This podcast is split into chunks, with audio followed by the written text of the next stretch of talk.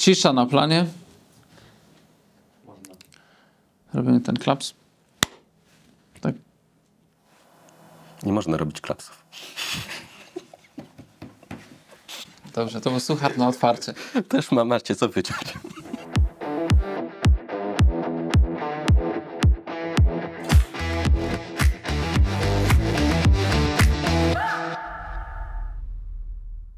Witajcie, dzień dobry, 12 odcinek programu Bosaki Mencen. Startujemy z nową, dużą porcją mocnych materiałów, które mamy dla Was przygotowane.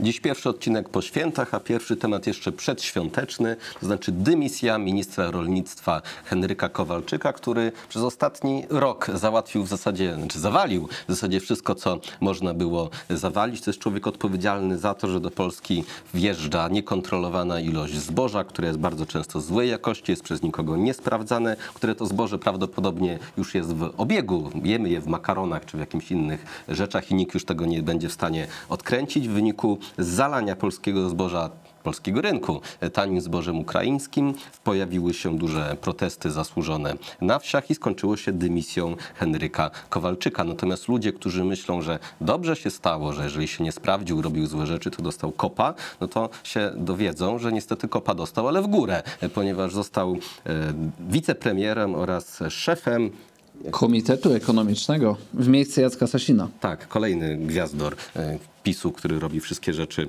dobrze, więc Kowalczyk dostał kopa w górę, zastąpił go Robert Telus, który znany jest z tego, że głosował za piątką przeciwko rolnikom, zwaną dla niepoznaki piątką dla zwierząt, więc nie jest to za bardzo dobra zmiana, jak to w PiSie bywa. Natomiast ja mam do Kowalczyka jeszcze jeden problem, bo on na kilka dni przed tym, zanim podał się do dymisji, czy zanim został zdymisjonowany, powiedział, że on z chęcią by ujawnił firmy, które sprowadzają to zboże z Ukrainy do Polski, natomiast nie wie jeszcze, jak to zrobić, bo być może ujawniając te informacje doszłoby do złamania tajemnicy skarbowej. No więc ja zerknąłem sobie w przepisy dotyczące tajemnicy skarbowej. Tam jest napisane, kto ma prawo mieć dostęp do tych informacji. Okazuje się, że ministra rolnictwa na tej liście nie ma, co oznacza, że samo to, że te informacje, które firmy ściągają zboże z Ukrainy do Polski, jeżeli pochodziły z Ministerstwa Finansów, a tak sugerował Henryk Kowalczyk, to samo to, że on o tym wie, już jest złamaniem tajemnicy skarbowej, czyli doszło do przestępstwa, bo ktoś mu przekazał informacje, których on nie miał prawa posiadać.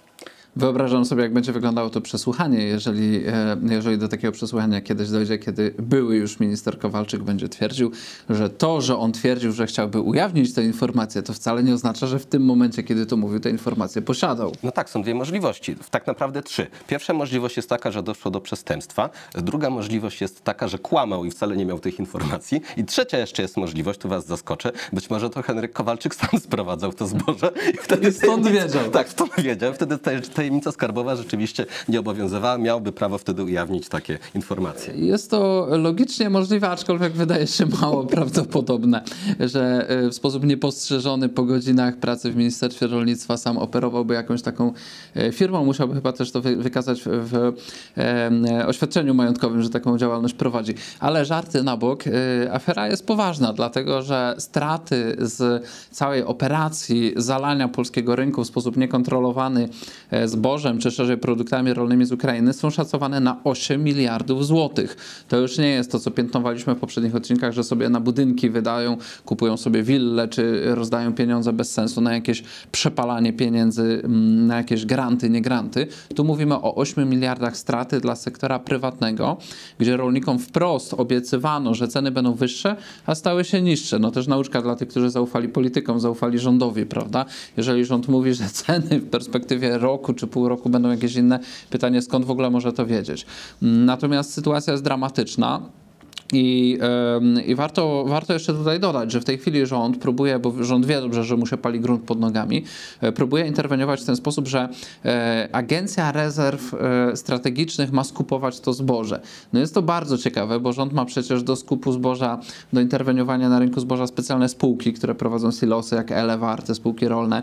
Powołał nawet specjalny koncern spożywczy, który zresztą chyba nie wyszedł z obszaru tej całej papierologii, niespecjalnie zadziałał natomiast to jest ciekawe, e, dlatego że tak się składa, że Agencja Rezerw Strategicznych ma prawo e, robić zakupy w sposób tajny. I już są spekulacje. Po pierwsze, że e, nie będzie ujawnione, ile tak naprawdę teraz zostanie pieniędzy wydane na interwencję na rynku rolnym, ale też druga informacja, jaka do nas dociera, jest bardzo ciekawa, to znaczy, że ma być bardzo krótki termin, zdaje się teraz do 15 kwietnia, na to, żeby się zgłosić. I trzeba będzie jeszcze wpłacać jakieś kaucje, żeby skorzystać z tego systemu wykupu, rządowego wykupu zboża. E, I to, co do mnie dotarło bezpośrednio od rolników, to że oni się boją, że z tego systemu sko skorzystają w tej chwili ci, którzy tu wjechali z tym zbożem ukraińskim, dlatego że operacyjnie do tych wpłacania kaucji i wejścia w te wykupy nie są przygotowani polscy rolnicy, bo na przykład wydali pieniądze na nawozy, które były najdroższe. Jest zupełnie oczywiste, że skorzystają właśnie na tym te dokładnie firmy, to znaczy firmy powiązane również z władzą, bo dziennikarze doszli do listy, której nie chciał ujawnić Henryk Kowalczyk. No proszę. I okazuje się, że na tej liście są firmy powiązane z PiSem. Ja firmy typowałem PSL. Widzisz, PSL być może też, ale e, dziennikarze skupili się na firmach powiązanych z PiSem. Bardzo duża firma, której prezesem i chyba właścicielem jest były członek PiSu, który jeszcze w zeszłym roku był członkiem PiSu. Firmy, gdzie e, doradcami zarządu są członkowie PiSu, w związku z czym oni sami doprowadzili do sytuacji, w której polscy rolnicy tracą, a firmy powiązane z władzą zarabiają. I to będą dokładnie te same firmy, które korzystają na tym interwencyjnym skupie zboża. Nie można mieć co do tego absolutnie żadnych wątpliwości. I też potwierdza się e, plotka, e, która gdzieś e, poszła, że Kowalczyk dlatego właśnie nie może ujawnić tej listy, bo się na niego koledzy z partii poobrażają i rzeczywiście mieliby za co. A w kontekście tej tajności, którą oni chcą wprowadzić, robiąc to w oparciu o Agencję Rezerw Strategicznych, to ja jeszcze przy, przytoczę takie powiedzonko, które usłyszałem od jednego z ludzi doświadczonych właśnie akurat w tych resortach siłowych, który miał wgląd, jak wyglądają te wszystkie działania, a to służb specjalnych, a to różnych rządowych agencji skryte za aurą tajemnicy. Mianowicie on taką prostą życiową maksymę przekazywał za e, tym aurą tajności często kryje się paździerz. to znaczy, że to ludzie sobie wyobrażają, że tam jest nie wiadomo co, a tam ostatecznie jest jedna wielka improwizacja i brak profesjonalizmu. I e, no powiedzmy sobie to wprost, wszyscy już wiemy, że są ogromne straty na tym rynku zboża. Naprawdę chyba nie trzeba tutaj tajności, e, żeby w tej chwili próbować chociaż część tych strat zniwelować, o ile rząd w ogóle ma na to pieniądze i potrafi, bo widać paraliż decyzyjny od wielu tygodni. Przecież to zwalanie na Unię Europejską, które rząd zaczął uprawiać, że tam, prawda, Unia Europejska ma teraz szukać na to pieniędzy, gdzie Unia wiadomo, że nie chce i, i nie szuka tych pieniędzy, a komisarz rolnictwa jest z PiSu, tak na marginesie. Wiadomo, że nic z tego nie będzie. Ale jeszcze jeden mały kamyczek do unijnego ogródka tutaj warto wrzucić. E, warto przypomnieć, że Polska, wchodząc do Unii Europejskiej, wyrzekła się wpływu na własną politykę rolną, na rynek rolny, ponieważ to Unia Europejska miała przejąć gwarantowanie z jednej strony dopłaty, a z drugiej strony gwarantowanie bezpieczeństwa i stabilności na tym rynku. I dokładnie to, co się w tej chwili stało na rynku rolnym, jest następstwem działania Unii Europejskiej, która złamała te swoje obietnice, bowiem zalew towarów ukraińskich odbył się na mocy rozporządzenia Unii Europejskiej. Rozporządzenie, przypomnę, akt prawa Unii Europejskiej, które działa bezpośrednio. Państwo polskie nie miało tutaj nic do gadania. Oczywiście z drobnym pominięciem, że europosłowie wszystkich partii głosowali za tym rozporządzeniem, ale gdyby głosowali przeciw, ono i tak by przeszło, E, bo e, taki jest głos e, Polski w Unii Europejskiej po tych zmianach z traktatu lizbońskiego. Więc to warto powiedzieć. Ten rynek rolny w Polsce został zdestabilizowany przez Unię Europejską. To Unia Europejska swoim rozporządzeniem spowodowała nieograniczony zalew płodami rolnymi z Ukrainy, e, a ceny, co ciekawe, nie spadły. Dodam jeszcze, że zboże to jest dopiero początek problemu, wierzchołek góry lodowej, bo niedługo dokładnie te same problemy będziemy mieli na rynku drobiu, gdzie również firmy ukraińskie nieuczciwie niestety konkurują z firmami polskimi, natomiast e, o tym prawdopodobnie dowiecie się dopiero za tydzień albo dwa. W sektorze drobiarskim to już jest duży temat. E, Myślę, że e, po omówieniu tej całej afery zbożowej, chyba można już w tej chwili tak mówić o aferze zbożowej, e, jest dobry moment, żeby podsumować efekty wizyty prezydenta Załęskiego, bowiem temat zbożowy był jednym z wątków tej wizyty.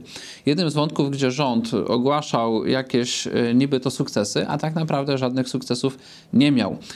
Ja przygotowując się do tych weekendowych programów publicystycznych poświęciłem trochę czasu na próbę zgłębienia tego, jakie są efekty wizyty. Byłem też zresztą reprezentantem Konfederacji na przemówieniu prezydenta Dudy i prezydenta Załęskiego, które zostało, w zaproszeniu było napisane, że jesteśmy zaproszeni na spotkanie. E, kilka dni zajęło nam ustalenie, na czym to spotkanie ma polegać, zanim się okazało, że po prostu będziemy słuchać przemówienia prezydentów. E, no, w każdym razie nasi działacze też byli na tym forum gospodarczym.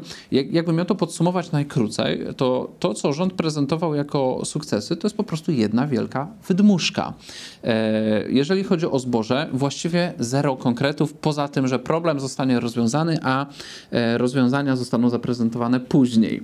Jeżeli chodzi o uzbrojenie, to wymieniono kontrakty, które brzmią bardzo ładnie, tylko nie podano żadnych kwot i nie są to w ogóle umowy kupna czegokolwiek. To są jakieś umowy intencyjne, a jak wejść w szczegóły, to na przykład umowa intencyjna dotycząca amunicji czołgowej sprowadza się do tego, że Polska postawi fabrykę amunicji czołgowej dla Ukrainy, dostarczy technologię, urządzenia i lokalizację, a strona ukraińska dostarczy materiały w miarę swoich możliwości. O cenach nie było mowy. Jeżeli chodzi o rosomaki czy o te raki, no to y, dopiero mają się zacząć negocjacje z licencjodawcą, którym jest fińska Patria i tak dalej, i tak dalej. Każdy szczegół, którego nie dotkniecie, tam nic nie jest ustalone. Dlatego w mediach w ogóle nie były podawane kwoty. I to jest y, bardzo poważny sygnał ostrzegawczy. Wypowiedzi prezesa PGZ-u, pana prezesa Chwałka, wskazywały na to, że te umowy są okazją do rozszerzenia zakresu pomocy Ukrainie, a nie do jakiegoś biznesowego zysku PGZ.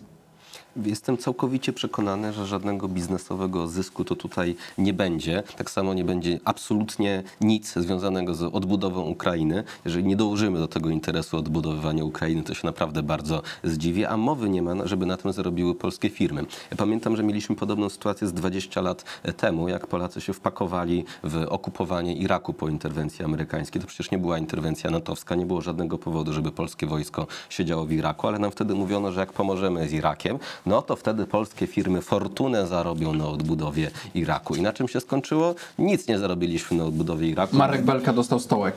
Tak, Był udało się załatwić administratorem, tak, takim. posadę dla Marka Belki. Być może tutaj też się uda załatwić posadę na przykład dla prezydenta Andrzeja Dudy, który jeszcze nie wiadomo, co będzie robił po tym, jak przestanie być prezydentem. Być może takie interesy uda się Szefem załatwić. Szefem Komitetu do Spraw Odbudowy Ukrainy. Na przykład. I będzie nadzorował, żeby niemieckie firmy odbudowywały Ukrainę, być może za nasze pieniądze. To jest taki interes, który nasi akurat potrafią zrobić, więc my na tym absolutnie nic nie zarobimy. Ta władza kompletnie nie potrafi negocjować, podpisuje umowy, do których my tylko i wyłącznie dopłacamy, korzystają na tym wszyscy poza Polakami. Ja y, o tym forum gospodarczym, o tej, y, tam y, być może w mediach słyszeliście, że została podpisana umowa o odbudowie. To jeszcze dorzucę kilka szczegółów, bo jeden z naszych działaczy, który jest przedsiębiorcą, był na tym forum gospodarczym, więc to, co od niego usłyszałem, to, że po pierwsze, to forum gospodarcze zostało zwołane na dwa dni przed wizytą prezydentów.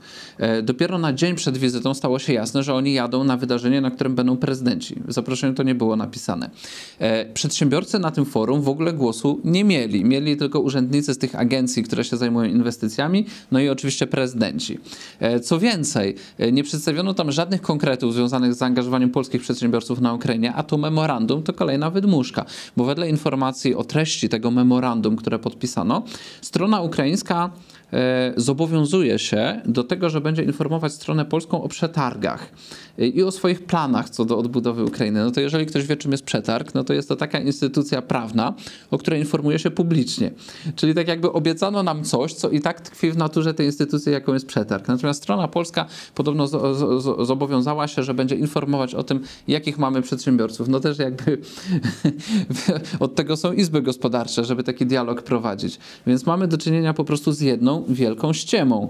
E, I to nie wróży dobrze, bo to jest sprzedawane polskiemu społeczeństwu jako sukces. Ja z przerażeniem w dniu tego spotkania i dzień po e, patrzyłem na głosy większości opiniotwórczych dziennikarzy ekspertów, którzy byli absolutnie zachwyceni, mówili o jakimś historycznym momencie e, i ulegli wszyscy jakiejś euforii.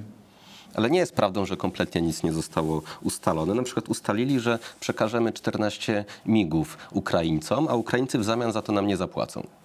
No, y, jeżeli chcemy jeszcze o konkretach, to możemy na przykład zapytać, a co tam na polu historycznym? Wielu się spodziewało, że może, prawda, będzie jakiś gest, może, może, może jakiś progres, prawda, może strona ukraińska uzna fakty, jeżeli chodzi o rzeź wojską, może zostanie zniesiony zakaz ekshumacji. No otóż zero konkretów, zero konkretów poza tym, że prezydent Duda powiedział, że żadne okoliczności nas nie podzielą, nigdy i w żaden sposób.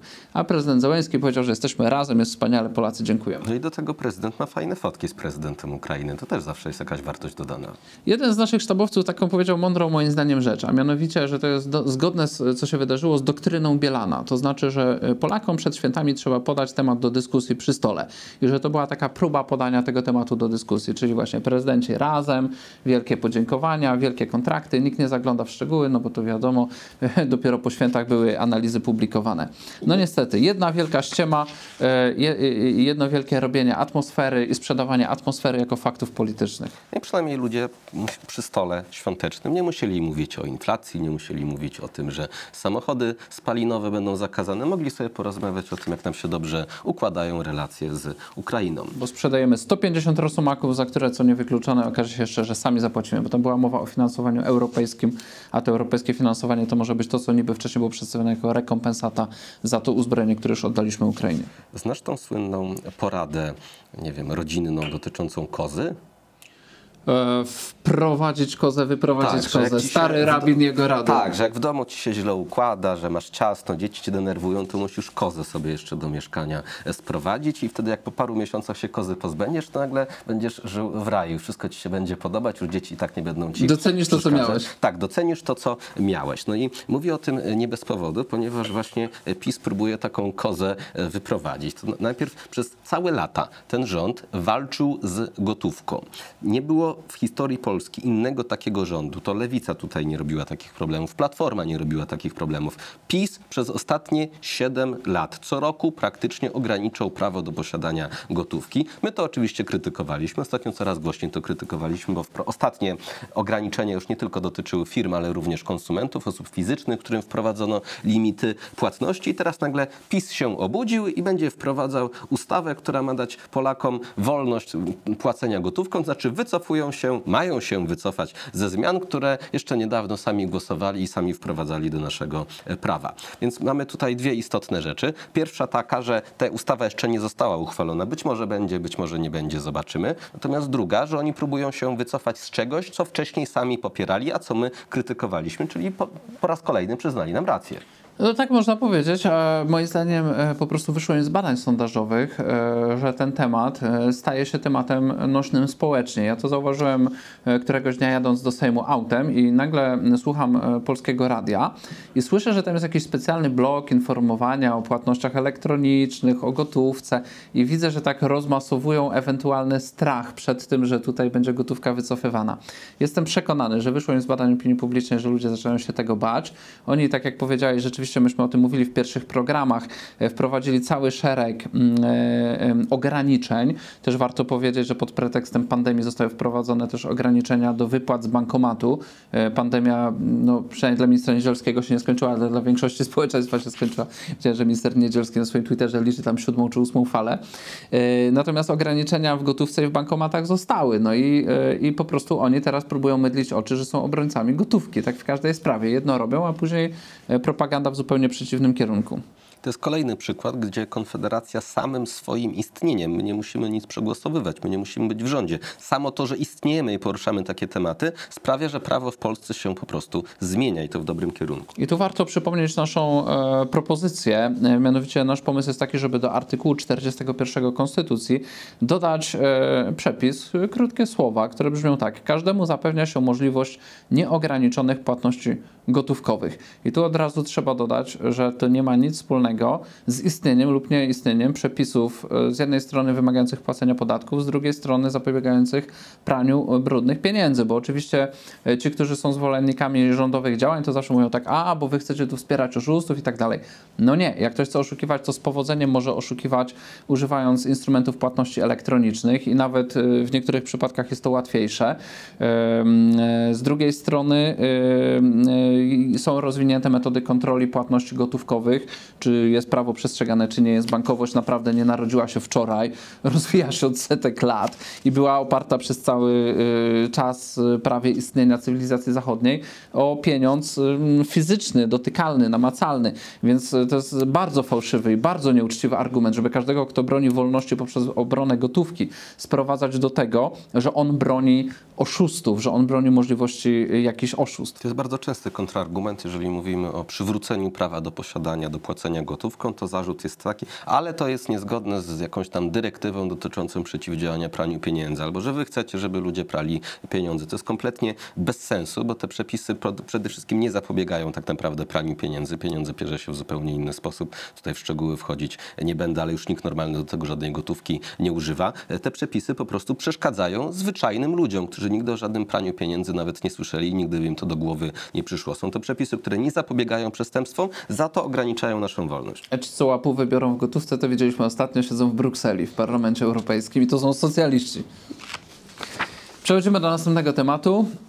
E, kolejne miasta ze strefami e, zakazu transportów. E, transportu. Wracamy do tego tematu, no, mam wrażenie, że prawie co odcinek. Nie chciałbym, żebyśmy byli monotematyczni, ale po prostu powstają kolejne newsy i chcemy Was o tym informować uczciwie. Dochodzi nam Wrocław na mapie miast. Przypomnijmy, że celem Unii Europejskiej i rządu Prawa i Sprawiedliwości jest ograniczenie transportu we wszystkich możliwych miastach, bo tak tego wymaga Unia Europejska i rząd to zdefiniował w KPO, że będzie zmierzał do ograniczenia indywidualnej mobilności Polaków. Polaków. Natomiast obecnie oni e, robią to poprzez tak zwane strefy czystego transportu, czyli ograniczają możliwości wjazdu do miast lub do centrów miast autom, które są starsze. I tu trzeba powiedzieć kilka rzeczy. W Polsce według statystyk mniej niż 15 lat ma jedynie co trzecie auto. Nie jesteśmy społeczeństwem bardzo bogatym. Nikt nie jeździ starszym autem z wyboru, no poza miłośnikami klasyki motoryzacyjnej, ale to są często auta na weekend, albo trzecie czy czwarte auto, które stoi e, e, w garażu i ma pięknie wyglądać. Natomiast jeżeli ktoś ma możliwość, to kupuje nowsze auto. Nie trzeba Polaków zakazem transportu do tego przymuszać. Niestety ceny aut będą szły w górę ze względu na przepisy Unii Europejskiej, bardzo wyśrubowane normy. E, a to, co w tej chwili robią kolejne miasta na bazie przepisów ustalonych przez rząd Prawa i Sprawiedliwości, za którymi głosował i PiS i Solidarna Polska, to jest po prostu wykluczanie ludzi trochę biedniejszych z możliwości wjazdu do centrów miast i załatwienia swoich spraw. Jeżeli chodzi o Wrocław, to się okazuje, że ma to objąć obszar Wrocławia, gdzie mieszka aż 25% mieszkańców. No i tak się składa, że ja 3 lata mieszkałem we Wrocławiu. Yy, uważam, że yy, to właśnie przypuszczam, że centrum miasta będzie ograniczone i centrum miasta to nie jest najbogatsza, szeroko pojęte centrum Wrocławia, to nie jest najbogatsza dzielnica Wrocławia. Yy, ludzie, którzy mają więcej pieniędzy, mieszkają często na przedmieściach, więc to w oczywisty sposób uderzy w tych, którzy mają tych pieniędzy mniej. Mieszkają w tych wszystkich kamienicach, których często władze Wrocławia nie mają pieniędzy, żeby wyremontować porządnie. I okaże się, że oni nigdzie już nie mogą dojechać, bo większość usług jest, czy instytucji publicznych jest zlokalizowana w centrum. Podobnie jest z Warszawą, gdzie okazuje się, że strefą zakazu transportu ma być objęta większość śródmieścia, Wola, Ochota, Saska Kępa, Grochów, Praga.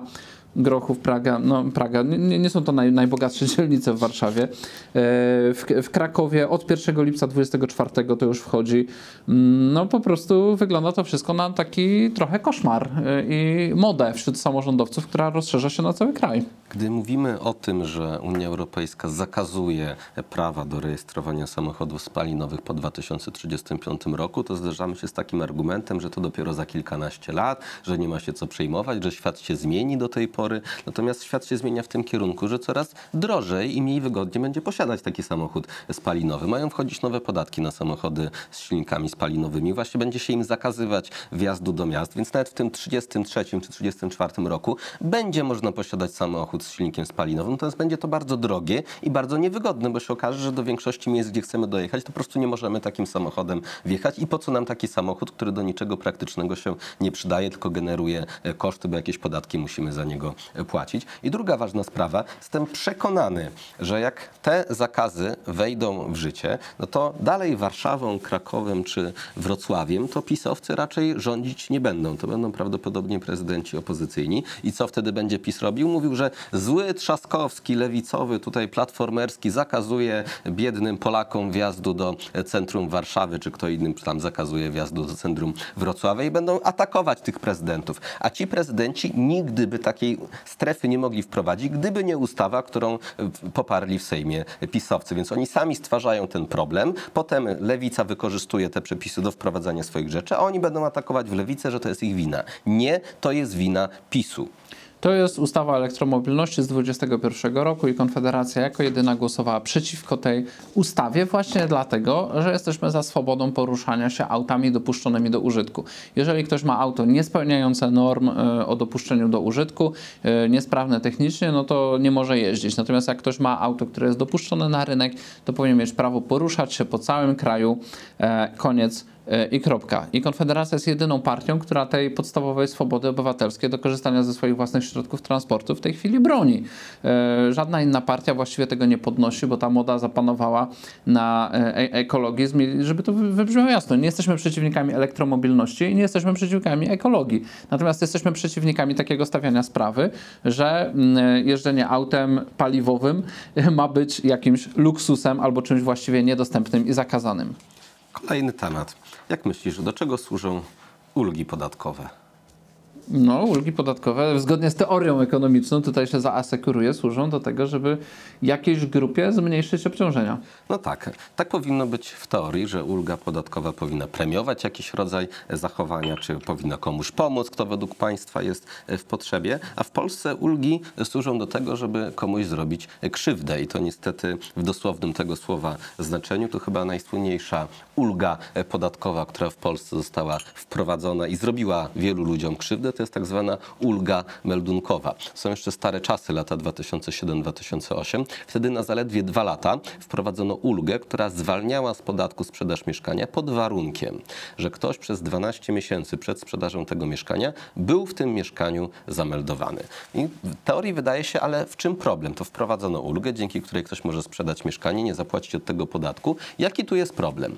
Ano problem jest taki, że tam był jeszcze jeden warunek, który trzeba było spełnić, żeby skorzystać z tej ulgi i nie zapłacić podatku od sprzedaży mieszkania, trzeba było do urzędu zanieść oświadczenie, gdzie oświadczało się, że było się przez 12 miesięcy zameldowany w danym mieszkaniu. No i problem polegał na tym, że nikt o tym nie wiedział. Urzędnicy nie wiedzieli, że jest taki wymóg, notariusze nie wiedzieli, że jest taki wymóg, nie wiem, chyba nawet księgowi nie wiedzieli, że jest taki wymóg. Efekt był taki, że nawet niektórzy ludzie, ci z tych bardziej dociekliwych, doczytali w ustawie na którejś tam stronie, że kiedyś był taki przepis, szukali wzoru oświadczenia. Nie było, bo nie było nawet wzoru takiego oświadczenia oświadczenie, więc ręcznie sporządzali oświadczenie, szli z nim do Urzędu Skarbowego, a w Urzędzie Skarbowym nawet nie chcieli przyjąć takiego oświadczenia, bo urzędnicy nawet nie wiedzieli, że trzeba przynieść to oświadczenie. No i urzędnicy nie wiedzieli, ludzie też nie wiedzieli, więc nie było problemu. I problem się pojawił po dobrych czterech latach, kiedy mijał powoli okres pięcioletni przedawnienia się podatku od sprzedaży mieszkania. Wtedy sobie urzędnicy przypominają o takich sprawach i zaczęli robić kontrolę i domagać się niezapłaconego podatku, ponieważ zauważyli, że w aktach nie ma danego oświadczenia. I poszkodowanych przez tę ulgę było prawie 20 tysięcy osób, które po pięciu latach dowiedziało się, że muszą zapłacić często dziesiątki tysięcy złotych plus odsetki za 4 lata. To było 50-70 tysięcy złotych. To była prawdziwa tragedia życiowa, bo zwyczajny człowiek na ogół nie jest w stanie wyskoczyć z 70 tysięcy złotych, które muszę, musi tak po prostu zapłacić, bo 5 lat temu sprzedał mieszkanie. Dochodziło do sytuacji czasem naprawdę tragicznych, dlatego mówię, że tu niektórym ludziom to naprawdę zrobiło krzywdę. To bardzo znana była historia pana Adama, który dowiedział się po latach, że musi zapłacić 50 tysięcy złotych plus odsetki, co mu całkowicie rujnowało życie. Odwołał się do sądu w roku 2017, przegrał e, e, sprawę przed Wojewódzkim Sądem Administracyjnym. Niestety w 2018 z tej zgryzoty popełnił samobójstwo i dopiero Naczelny Sąd Administracyjny rok później, rok po jego samobójczej śmierci, przyznał mu rację, że nie powinien był płacić wcześniej tego podatku. Niestety już zero satysfakcji, ponieważ facet od roku nie żył. I w Polsce mamy prawie 20 tysięcy takich indywidualnych tragedii, dlatego zapowiadam i obiecuję, że jeżeli kiedykolwiek będę miał jakikolwiek wpływ na stanowienie prawa w Polsce, to wszystkie ofiary ulgi meldunkowej dostaną należną im rekompensatę rekompensatę, to znaczy zwrócone zostaną te im pieniądze z odsetkami, ponieważ państwo nie może urządzać tego rodzaju bandyckich ulg i nie może w ten sposób niszczyć ludziom życie. Tym ludziom należy się wszystkim zwrot jakiejkolwiek sprawiedliwości. A ja ze swojej strony dodałbym obietnicę, że y, postaramy się ustalić, kto odpowiada za taką sytuację, dlatego że zawsze na końcu y, są konkretni ludzie, y, którzy wprowadzają przepisy i wprowadzają ich implementację. I w takim wypadku, po tym co mówisz, że było brak tej wiedzy, brak tych oświadczeń, wynika, że ktoś na samej górze po prostu nie wykonał swojej pracy. I ten człowiek powinien być podany z imienia i nazwiska, który za to odpowiada. Być może to był wiceminister, dyrektor, być może okaże się, że na koniec odpowiada za to sam premier i te osoby powinny być ukarane. Tak jak powinny być ukarane wszystkie osoby, które odpowiadały za tą fuszerkę e, tak zwanego polskiego ładu, to znaczy, gdzie wrzucono y, do e, działania przepisy, w zakresie których służby skarbowe nie były przeszkolone ani co do interpretacji, ani co do tego, jak się e, tymi przepisami posługiwać, jak, jak to ma działać. Tak samo tutaj w tym wypadku widzimy identyczną sytuację. Nie może być tak, że osoby, które uchwalają prawo, a nie przygotowują prawidłowo procesu implementacji tego, pozostają bezkarne, bo to rodzi tragedię. I jeżeli pozwolisz, nie wiem, czy tu jeszcze e, chcemy jakieś szczegóły dodać do ulgi, bo jeżeli nie, to przejdę do kolejnej sprawy, e, która wygląda dość podobnie pod pewnymi względami. To znaczy nie ma tygodnia, nie ma miesiąca, żeby rząd nie niszczył jakiejś kolejnej branży. E, do, docierały do nas e, sygnały przez ostatni czas o właśnie ustawie regulującej za, e, zasady i warunki wykonywania 17 zawodów medycznych. Między innymi rząd, regulując te sprawy, wygląda na to, że może zniszczyć branżę, która powinna się rozwijać, to znaczy branżę logopedów. E, logopedzi, okazuje się, według nowej ustawy mają być potraktowani jak lekarze lub nawet w niektórych sprawach bardziej surowo. Okazuje się, że zawód ten, który funkcjonuje sobie, rozwija się, nie słychać o jakichś wielkich aferach logopedycznych, przynajmniej do mnie nie dotarły te, te informacje. Ja raczej myślę, że w Polsce potrzebujemy więcej logopedów, żebyśmy wszyscy mówili lepiej, ładniej, żeby u dzieci wcześniej, na ile to się da, eliminować różnego rodzaju wady. Um, okazuje się, że logopedzi mają być sztucznie podzieleni na na dwa zawody, logopedę i nauczyciela logopedę. E, jedni mają być przyporządkowani tylko do placówek edukacyjnych, ci pozostali mają być potraktowani jak lekarze i e, e, uwaga, mają być im dorzucone nowe obowiązki, które w zasadzie mają się nijak do zawodu logopedy. Mianowicie zamiast rejestrować działalność gospodarczą, będą musieli się rejestrować jako podmiot leczniczy. Ich gabinety będą musiały spełniać te same gabinety, zasady co gabinety lekarskie, związane z różnymi wymogami higienicznymi, mimo że no, bardziej bardziej chyba gabinet logopedyczny przypomina gabinet psychologa, no po prostu przychodzi się i się e, e, rozmawia, tak, tak przynajmniej sobie to wyobrażam. E, okazuje się, że mają być różne ryzyka.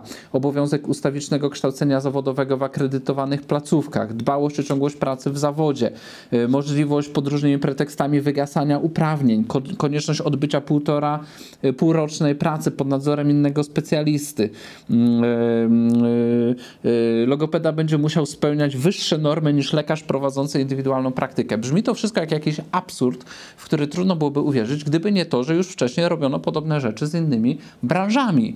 E, co chwilę w tym amoku regulacyjnym, ja to nazywam, że rząd jest w amoku regulacyjnym, oni łapią w swoje ręce jakąś kolejną branżę, trafia to w ręce urzędników i oni wymyślają, jak to wszystko uregulować na nowo, kompletnie bez związku z warunkami pracy i realnymi problemami ludzi, którzy w tych branżach pracują.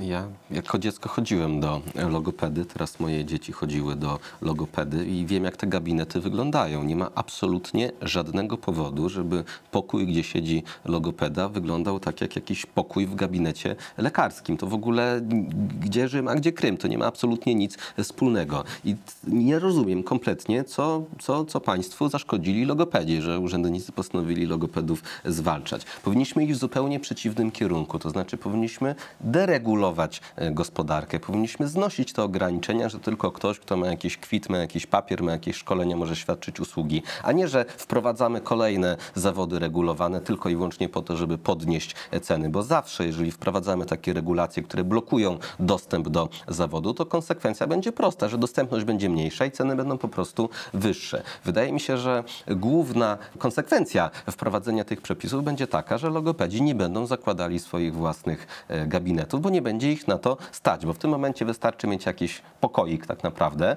i on spełnia wszystkie wymagania, bo one nie są zbyt wyśrubowane. Jeżeli ten pokoik będzie musiał mieć osobne toalety dla pacjentów, pracowników, będzie musiał być dostosowany do osób niepełnosprawnych, będzie musiał kogoś wywozić, mieć pewnie umowę na wywóz odpadów medycznych, których tam absolutnie żadnych nie ma, no to nie każdego będzie stać na założenie takiego gabinetu i dostępność logopedów po prostu spadnie. A w konsekwencji wiele dzieci, które chodziłoby do logopedy, przestanie do niego chodzić, bo rodziców nie będzie stać na to, żeby więcej płacić lub dostępność będzie po prostu mniejsza, bo logopedów będzie mniej. Więc jest to bardzo zły e, kierunek. To jest wprowadzenie kolejnych ograniczeń, które sprawi, że znowu życie będzie droższe, że więcej będziemy płacili za dostęp do logopedy. Yy, Głos z branży yy, jest taki, że może nawet co drugi gabinet zniknąć, bo wy- zwyczajnie nie będzie opłacało się, e, nie będzie się opłacało po prostu tych gabinetów prowadzić, jeżeli się okaże, że będzie trzeba spełnić te wszystkie wymagania. Nie jest to e, czysto teoretyczna perspektywa. Ja miałem dosyć interesującą rozmowę jakiś miesiąc temu ze swoim fryzjerem, gdzie zapytałem go, dlaczego nie zatrudni, jeżeli ma nadmiar klientów, bo widzę, że ma nadmiar, bo nie można się z nim umówić. Dlaczego nie zatrudni kolejnego pracownika? Przeliczył koszty i powiedział, że to się zwyczajnie nie opłaca. Po prostu nie opłaca się w tym systemie rozwijać swojego e, warsztatu, swojej działalności, swojego gabinetu, dlatego że koszty i różnego rodzaju wymagania narzucone są tak wysokie, że to po prostu ludzi odstrasza i zniechęca. Inny przykład, który można dać, który też do nas docierał, e, salony optyczne. Po, po udoskonaleniach wprowadzonych przez rząd PiSu e, okazuje się, że w jakąś taką sferę niejasności interpretacyjnej wpadły również salony optyczne, co do tego, jak mogą reklamować to, że zrobią oprawki, doradztwo w zakresie tego, jak sobie, jakie dobrać okulary i tak dalej. Okazuje się, że to wchodzi znów w zakres tych przepisów związanych z medycyną i boją się, że będą płacić jakieś gigantyczne kary, które być może przewidziane były dla koncernów farmaceutycznych, a nie dla kogoś, kto prowadzi salon optyczny. No, żyjemy w świecie absurdów, gdzie coraz trudniej się obrócić, żeby łokciem o jakiś przepis nie zahaczyć. To nie jest nasz ideał, to nie jest ideał Konfederacji i żadna partia przeciw tym absurdom nie protestuje. Zwróćcie na to uwagę. Oni mówią o wszystkim, tylko nie o tym. Tam będzie jeszcze jedna konsekwencja e, tych regulacji, oprócz wzrostu cen i spadku dostępności. E, Okaże się, że mamy w Polsce podziemie logopedów. Mnóstwo logopedów. Podziemie logopedyczne, Przejdzie do tak szarej jest. strefy. Będziemy mieli podziemie logopedyczne, nielegalne i nieopodatkowane w konsekwencji. Uczenie dzieci, jak należy poprawnie mówić. To jest po prostu absurd. To państwo idzie w bardzo złym kierunku. I tak jak już w tej chwili mamy podziemie pokerowe, tak powstanie podziemie logopedyczne i ja mogę, sądzę, że zapewnić, że takie podziemie będziemy wspierać, jeśli te głupie przepisy wejdą w życie. Na tym kończymy e, dzisiejszy e, odcinek. Pozdrawiamy Was serdecznie, dziękujemy, dbajcie o nasze zasięgi, udostępniajcie linki, niech jak najwięcej ludzi o tym wszystkim, o czym tutaj mówimy, się dowie. E, udostępniajcie, lajkujcie, komentujcie, a my robimy swoją robotę, to znaczy śledzimy te wszystkie zmiany, informujemy Was o tym i zabiegamy o to, żeby obywatele byli jak najlepiej poinformowani o tym, co naprawdę dzieje się w polityce, a nie jakie sztucznie zastępcze tematy są nam codziennie przez media narzucane. Do zobaczenia. Widzimy się za tydzień. Pozdrawiamy.